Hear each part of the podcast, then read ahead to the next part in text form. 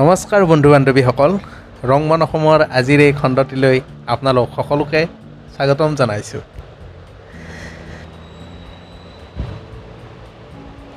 তেতিয়া আছিল দুহেজাৰ তেৰ চন। মই তেতিয়া ডিব্ৰুগড় বিশ্ববিদ্যালয়ৰ ছাত্ৰ। আমাৰ লগৰ ল'ৰা এজনে এখন ৱৰ্কশ্বপ টেকন'লজিৰ এখন কিতাপ এখন আনিছিল। তেতিয়া সি কৈছিল এইখন কিতাপ ফ্লিপকাৰ্টৰ পৰা অনা আৰু তেতিয়া কি আছিলে কিতাপখনত যিটো বুকমাৰ্ক কৰাৰ কাৰণে এটা মানে ডাঠ পেপাৰৰ ষ্ট্ৰিপ এটা সোমাই আছিল তাত লিখা আছিল ফ্লিপকাৰ্ট সি চবকে কৈছিল মানে এইখন মই কিতাপ মই ফ্লিপকাৰ্টৰ পৰা কিনিলোঁ। তাৰ তেতিয়া গম পালোঁ যে আমাৰ লগৰ বহুকেইজনে ইতিমধ্যে ফ্লিপকাৰ্টৰ পৰা এনেকৈ কিতাপ কিনিছে। মই কোনো আইডিয়াই নাছিল তেতিয়ালৈকে যে এইটো কি হয়। তেতিয়াহে লগৰকেইটাই যেতিয়া ক'লে যে আমি আৰু দুজনমানে ক'লে যে আমিও কিনিছোঁ। চ' তেতিয়া মই জানিলোঁ যে ফ্লিপকাৰ্ট হ'ল এনেকুৱা এটা মানে ৱেবছাইট তেতিয়াতো এপ্লিকেশ্যন অহাই নাছিল। ৱেবছাইটতে কৰিছিল যে এইটো অনলাইন অনলাইনত অৰ্ডাৰ কৰিলে ঘৰত আহি দি থৈ যায়। তো মোৰ প্ৰথম অনলাইন শ্বপিঙৰ প্ৰথম হেৰিটো আইডিয়াটো মানে ফ্লিপকাৰ্ট হিচাপেই আহিছিল। তাৰপিছত মই নিজেও নিজৰ পেনড্ৰাইভ এটা চাগে অৰ্ডাৰ দিলোঁ ফ্লিপকাৰ্টৰ পৰা আৰু এইটোৱে মোৰ জীৱনৰ প্ৰথম মানে অনলাইন শ্বপিং আছিল। গতিকে এইটোৱেই পৰিক্ৰমা ইয়াৰ পৰা আৰম্ভ হ'ল আৰু বৰ্তমানলৈকে চলি আছে। আৰু বৰ্তমান যেতিয়া লকডাউন হ'ল লকডাউনৰ পিছত এই অনলাইন শ্বপিঙৰ যিটো পৰিসৰ চাৰ সকলোৰে ক্ষেত্ৰত বৃদ্ধি পালে আৰু লগতে মোৰ ক্ষেত্ৰতো আগতকৈও মানে বেছি পৰিমাণে অনলাইনৰ অনলাইন শ্বপিঙৰ ওপৰত বেছি নিৰ্ভৰশীল হ'ব ধৰিলোঁ। গতিকে মৰমৰ বন্ধু বান্ধৱীসকল আহক আজিৰ এই খণ্ডটোত আমি অনলাইন শ্বপিঙৰ সুবিধাসমূহ অসুবিধাসমূহ ইত্যাদিবোৰৰ বিষয়ে কিছু কথা আলোচনা কৰোঁ। প্ৰথমে আহক আমি অনলাইন শ্বপিঙৰ সুবিধাসমূহনো কি এই সম্পৰ্কে কিছু কথা আলোচনা কৰোঁ। হয় অনলাইন শ্বপিং এটা পপুলাৰিটি গেইন কৰা কনচেপ্ট হয় বৰ্তমান যিটো আমাৰ পাৰ্ট এণ্ড পাৰ্চেল লাইফৰ আৰু অনলাইন শ্বপিং নোহোৱাকৈ বৰ্তমান লাইফটো হয়তো ভবাটো অসম্ভৱ হয় স্পেচিয়েলি এই পেণ্ডেমিকৰ টাইমত অনলাইন শ্বপিঙৰ প্ৰজ এণ্ড কনছো বহুত আছে। কেইটামান এডভান্টেজ আমি আগতে আলোচনা কৰি লওঁ। অনলাইন শ্বপিঙে আমাক বহুতখিনি কনভিনিয়েণ্ট কৰি দিয়ে। লাইক যদি কিবা এটা বস্তু হয়তো মাৰ্কেটত ক'ত পাম বা কেনেকুৱাকৈ কি কোৱালিটিৰ পাম মাৰ্কেটত গৈ ফিজিকেলি বিচৰাতকৈ যদি নেটত অকণমান চাৰ্চ কৰি ফ্লিপকাৰ্ট হওক এমাজন হওক মিণ্ট্ৰাত হওক আমি চাৰ্চ বহুত কৰোঁ ইজিলি হৈ যায় মানে। বহুত ইজিলি তেতিয়া বস্তুটো এভেইলেবল হৈ যায়। আৰু ভেৰাইটিজটো আমি চেক কৰিব পাৰোঁ। মাৰ্কেটত হ'লে হয়তো মানে এখন- কিমান কেইখন দোকানত আমি গৈ এখন এখনকৈ চাই একজেক্টলি টাইম ছেভ কৰা বা আমাৰ কিমান দূৰত মাৰ্কেট আছে ডিষ্টেঞ্চ টাইম এই গোটেইখিনি আমাক হেল্প কৰে মানে ছেভ কৰাত। গতিকে অনলাইন শ্বপিংটো অভিয়াছলি বহুতখিনি গোটেই ইণ্ডিয়াতে। আমি ক'ত আছে বস্তুটো আমি তাৰ পৰা আমি উঠাব পাৰোঁ। কিন্তু মাৰ্কেট এখনত যদি আমি যাওঁ কেৱল লোকেলিটি সেইখিনি জেগাহে আমাৰ আমি চুজ কৰিব পাৰোঁ। একজেক্টলি আৰু তাৰোপৰি আমি ৰিভিউজবোৰ চাইও অকণমান ডিচাইড কৰিব পাৰোঁ যিহেতু কাষ্টমাৰ্ছবিলাকে ৰিভিউজ তাতে দিয়া থাকে। আমি কোনটো বস্তু ল'লে ভাল হ'ব বা প্ৰডাক্টটোৰ কোৱালিটি কেনেকুৱা হ'ব তেনেকুৱা এটা এচিয়ৰেঞ্চো পোৱা যায়। গতিকে অনলাইন শ্বপিং বহুতখিনি কনভিনিয়েণ্ট হয়। হয়। এইটো হয় আৰু ইয়াৰ উপৰিও বস্তুটোৰ প্ৰচেছটো ইজি হয়। আপুনি চাওক এতিয়া আপোনাক কিবা এটা বস্তু হঠাৎ লগা হৈ গ'ল। তো আপুনি বজাৰলৈ যাওক আকৌ তাত বিচাৰক কাপোৰ পিন্ধা পিন্ধক আপুনি আকৌ গাড়ীত গৈ বজাৰত নামক। মানে অকণমান এইখিনি ইমান ইজি কথা নহয়। বহুত মানুহৰ কি হয় গোটেই দিনটো হয়তো অফিচত যাব লাগে। তাৰপিছত আহি আকৌ ৰাতি আকৌ কিবা বেলেগ কাম থাকে। গতিকে হয়তো বজাৰত সেনেকৈ যোৱাৰ বা বস্তু বিচাৰি যোৱাৰ সেনেকুৱা সময়ো নাথাকে। বা আপুনি ধৰক গাঁৱৰ মানুহ গাঁৱৰ মানুহ এটাই যদি বজাৰত যদি যাব বিচাৰে তেতিয়া ওচৰৰ টাউন এখনত যাব লাগিব বা ওচৰৰ চিটি এখনত যাব লাগিব। তো এনেকৈ বজাৰ কৰাৰ নামতে এটা দিন গুচি যায়। ধৰক আপুনি এটা টিভি ল'ব খুজিছে গোটেই দিনটো টিভিটো কিনোতেই হয়তো আপোনাৰ গোটাই গোটেই দিনটো গুচি যাব বা মোবাইল এটাই কিনিব খুজিলে গোটেই দিনটো গুচি গ'ল। আৰু খৰচাটোও বেছি। কিন্তু যদি আপুনি অনলাইন শ্বপিঙত সেই কামটো কৰে অতি ইজিলি আহ, আপোনাৰ ঘৰ পাব আহি। গতিকে এইটো বহুত কনভিনিয়েণ্ট হয়। অঁ আৰু এটা বস্তু এনেকুৱা দেখা পোৱা যায় যে মাৰ্কেট প্ৰাইচত কৰি অনলাইনত আমি এমেজন হওক ফ্লিপকাৰ্ট হওক বস্তুখিনি অকণমান কম দামত কম দামত মানে আমাৰ এফৰ্ডেবল প্ৰাইজত পোৱা যায়।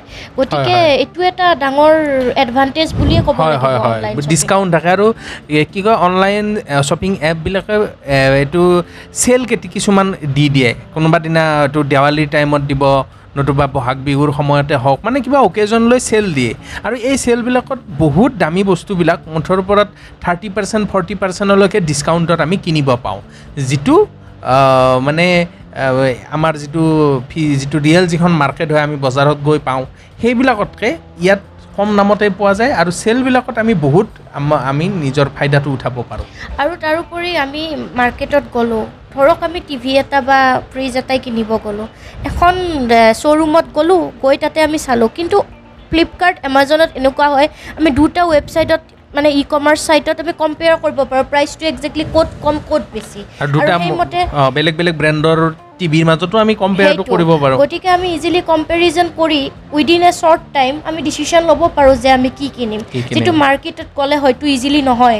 ফিজিকেলি যদি যাওঁ আমি হয় হয় তাৰপিছত আৰু ইয়াত ৰিপ্লেচমেণ্টৰো সুবিধাটো আজিকালি দিয়ে অঁ তথাপি ৰিপ্লেচমেণ্টটো মই ভাবোঁ যে ফিজিকেলি কিনিলে বেছি ইজি হয় অনলাইনত কাৰণ বহুতকেইটা অভিজ্ঞতাও আছে এটা চিউইং মেচিন লওঁতে। ৰিটাৰ্ণ পলিচি কিছুমান আছে যিটো হয়তো একচেচেবল নহয় ইমান ইজিলি মানে। কিবা টাৰ্মছ এণ্ড কণ্ডিশ্যনছ থাকে লাইক ভাউচাৰ এটাও যদি হেৰাই যায়।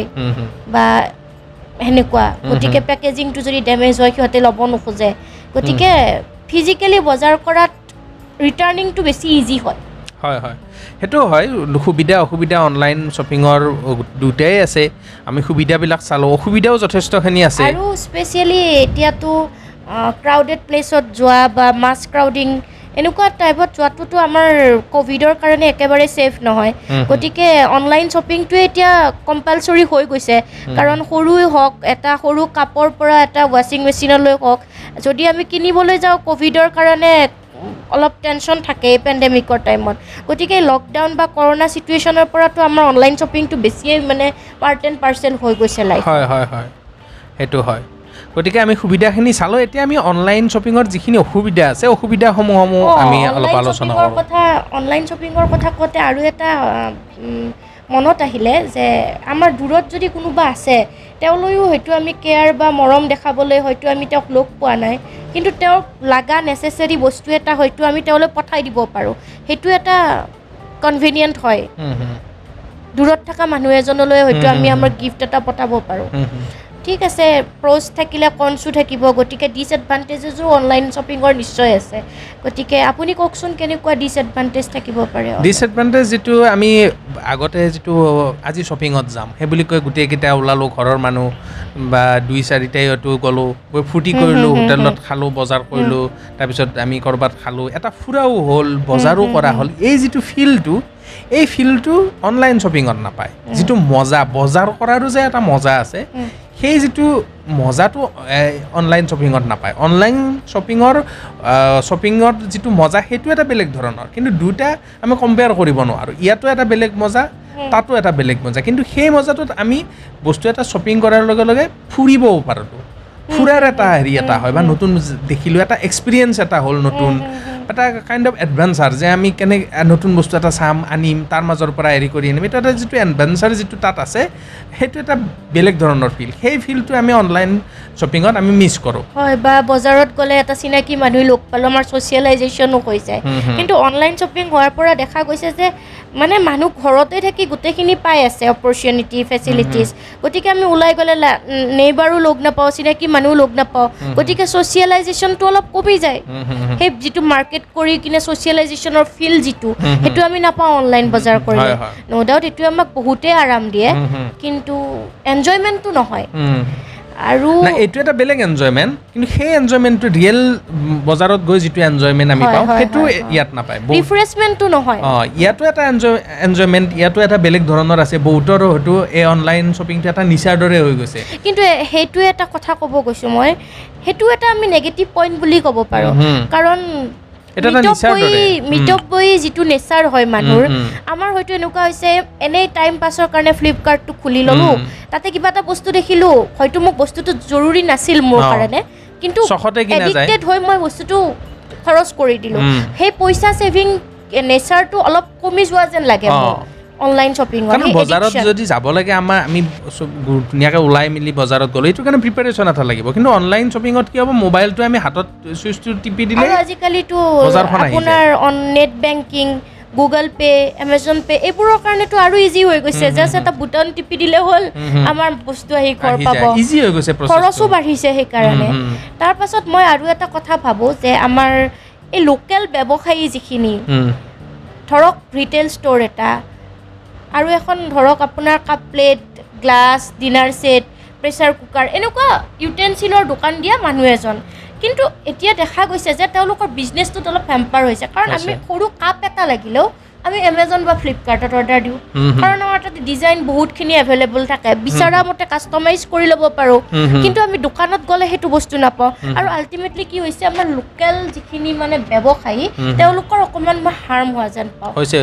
কাৰণ কাপোৰৰ পৰা মেচিনেৰীৰ পৰা বাচন বৰ্তনৰ পৰা গোটেইখিনি অনলাইন এভেইলেবল অনলাইন বিশেষকৈ কিতাপৰ দোকানবিলাক আজিকালি প্ৰায় বহুত লোকচানৰ সন্মুখীন হৈছে এটা। সময়ত মই কওঁ যে আজিৰ পৰা দহ দহ বছৰমান আগত দহ পোন্ধৰ বছৰ আগত পাণবজাৰৰ যিটো মাৰ্কেট পূৰা ভৰি থাকে কিতাপেই কিতাপ কিন্তু।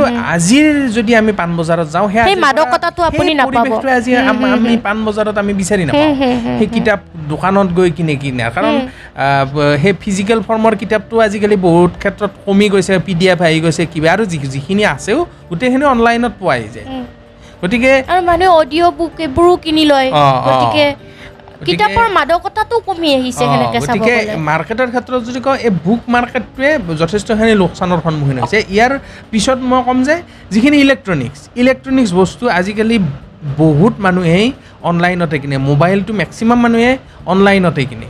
গতিকে মোবাইল এটা দোকানত দোকানত গৈ মোবাইল এটা কিনি অনা এইবিলাকতো আগতে যিবিলাক সেই ছিষ্টেম আছিল আজিকালি সেইবিলাক তেনেই বিৰল হৈ গৈছে।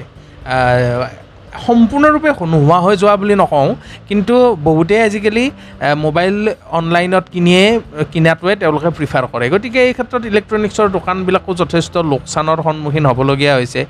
গতিকে হয়। এটা কথা আপুনি এইটো কি ভাবে যে ইণ্টাৰনেট শ্বপিং যিটো আমি নেট শ্বপিং অনলাইন কৰোঁ। সেইটোৰ কাৰণে এই ফ্ৰড আইডেণ্টিটি থেফ্ট এইবোৰ বাঢ়িছে নেকি? বাঢ়িছে। কাৰণ আমাৰ যিখিনি পাৰ্চনেল ডাটা যিবিলাক আছে এইখিনি যেতিয়া আমি গুগল ইউজ কৰোঁ বা ইণ্টাৰনেট ইউজ কৰোঁ আমাৰ এই ডাটাখিনিৰ যিখিনি প্ৰাইভেচি হয় ন প্ৰাইভেচিখিনি নোহোৱা হৈ যায়। সেইখিনি কোনোবা থাৰ্ড পাৰ্টিৰ হাতত গুচি যায়। আমি বহুত সেনেকুৱা ইনচিডেণ্টছ দেখিছোঁ। দুমাহমান আগত যিটো ডমিন'জৰ ডাটাবিলাক হেক হৈ গৈছিলে এয়াৰ ইণ্ডিয়াৰ ডাটা হেক হৈছিলে তাত কি হ'ল? বহুত মানুহৰ যিটো পাৰ্চনেল ইনফৰমেশ্যনেই হওক ফিনান্সিয়েল ইনফৰমেশ্যনেই হওক গোটেইবিলাক কি হ'ল? হেকাৰৰ হাতত গুচি গ'ল। গতিকে আজিকালি অনলাইন ফ্ৰডবিলাকো বাঢ়িছে। মানুহৰে পাৰ্চনেল একাউণ্টৰ পৰা পইচা কাটি লৈ যায়।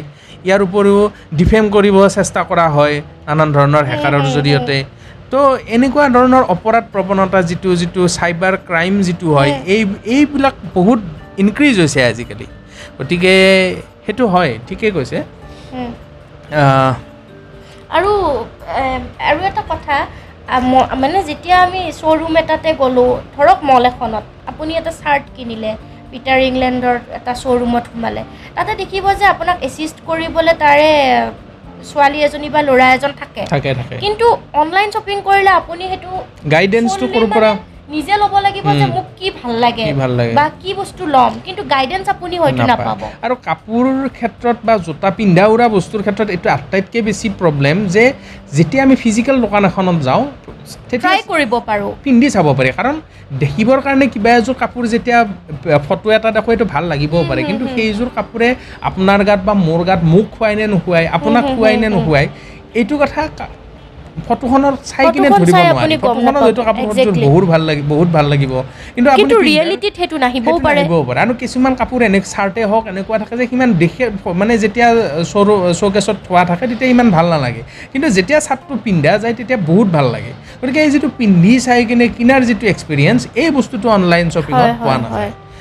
আৰু জোখৰ প্ৰব্লেম হয় যে আমি চাৰ্টটো জোতাযোৰে কিনিলোঁ এ, পিন্ধি ভৰিত হৈছে নে হোৱা নাই সেইটো চাই কিনে কিনিলোঁ। তো খোজকাঢ়ি পিন্ধি চালোঁ অলপ কমফৰ্টেবল হয় নে নহয়। অনলাইনত শ্বপিঙত সেইটো সুবিধা নাই। মই এনেই দহ নম্বৰৰ জোতা পিন্ধোঁ। কিন্তু মই কেইদিনমান আগত জোতা এযোৰ কিনিলোঁ দহ নম্বৰে হয়। কিন্তু মোৰ তাত ভালকৈ হোৱা নাই জোতাযোৰ সৰু হৈছে অলপ। চ' এনেকুৱা ধৰণৰ প্ৰব্লেমবিলাক অনলাইন শ্বপিঙত আছে। যি নহওক অনলাইন শ্বপিঙে আমাক বহুতখিনি হেল্প কৰিছে স্পেচিয়েলি এই মানে। পেণ্ডেমিকৰ সময়ত গতিকে অনলাইন শ্বপিঙত ডিছএডভান্টেজ থাকিলেও ইয়াৰ এডভান্টেজবোৰ আমি না কৰিব নোৱাৰোঁ আমাৰ টাইম ছেভ কৰাৰ লগতে আমাৰ গোটেইখিনি মানে অকল টাইমেই নহয় আমাৰ ট্ৰেন্সপৰ্টেশ্যন ফিজ হওক বা মাৰ্কেটত গ'লে যিখিনি খৰচ হয় আমাৰ বা টাইম আমাৰ ব্যস্ত চিডিউল আমাৰ হেল্থ গোটেইখিনিৰ কাৰণে আমাক হেল্প কৰিছে অনলাইন শ্বপিঙে আৰু তেন্তে বন্ধু বান্ধৱীসকল আজিলৈ ইমানতে এৰিছোঁ। আকৌ নতুন এটা টপিক লৈ আহিম। আজিলৈ বাই বাই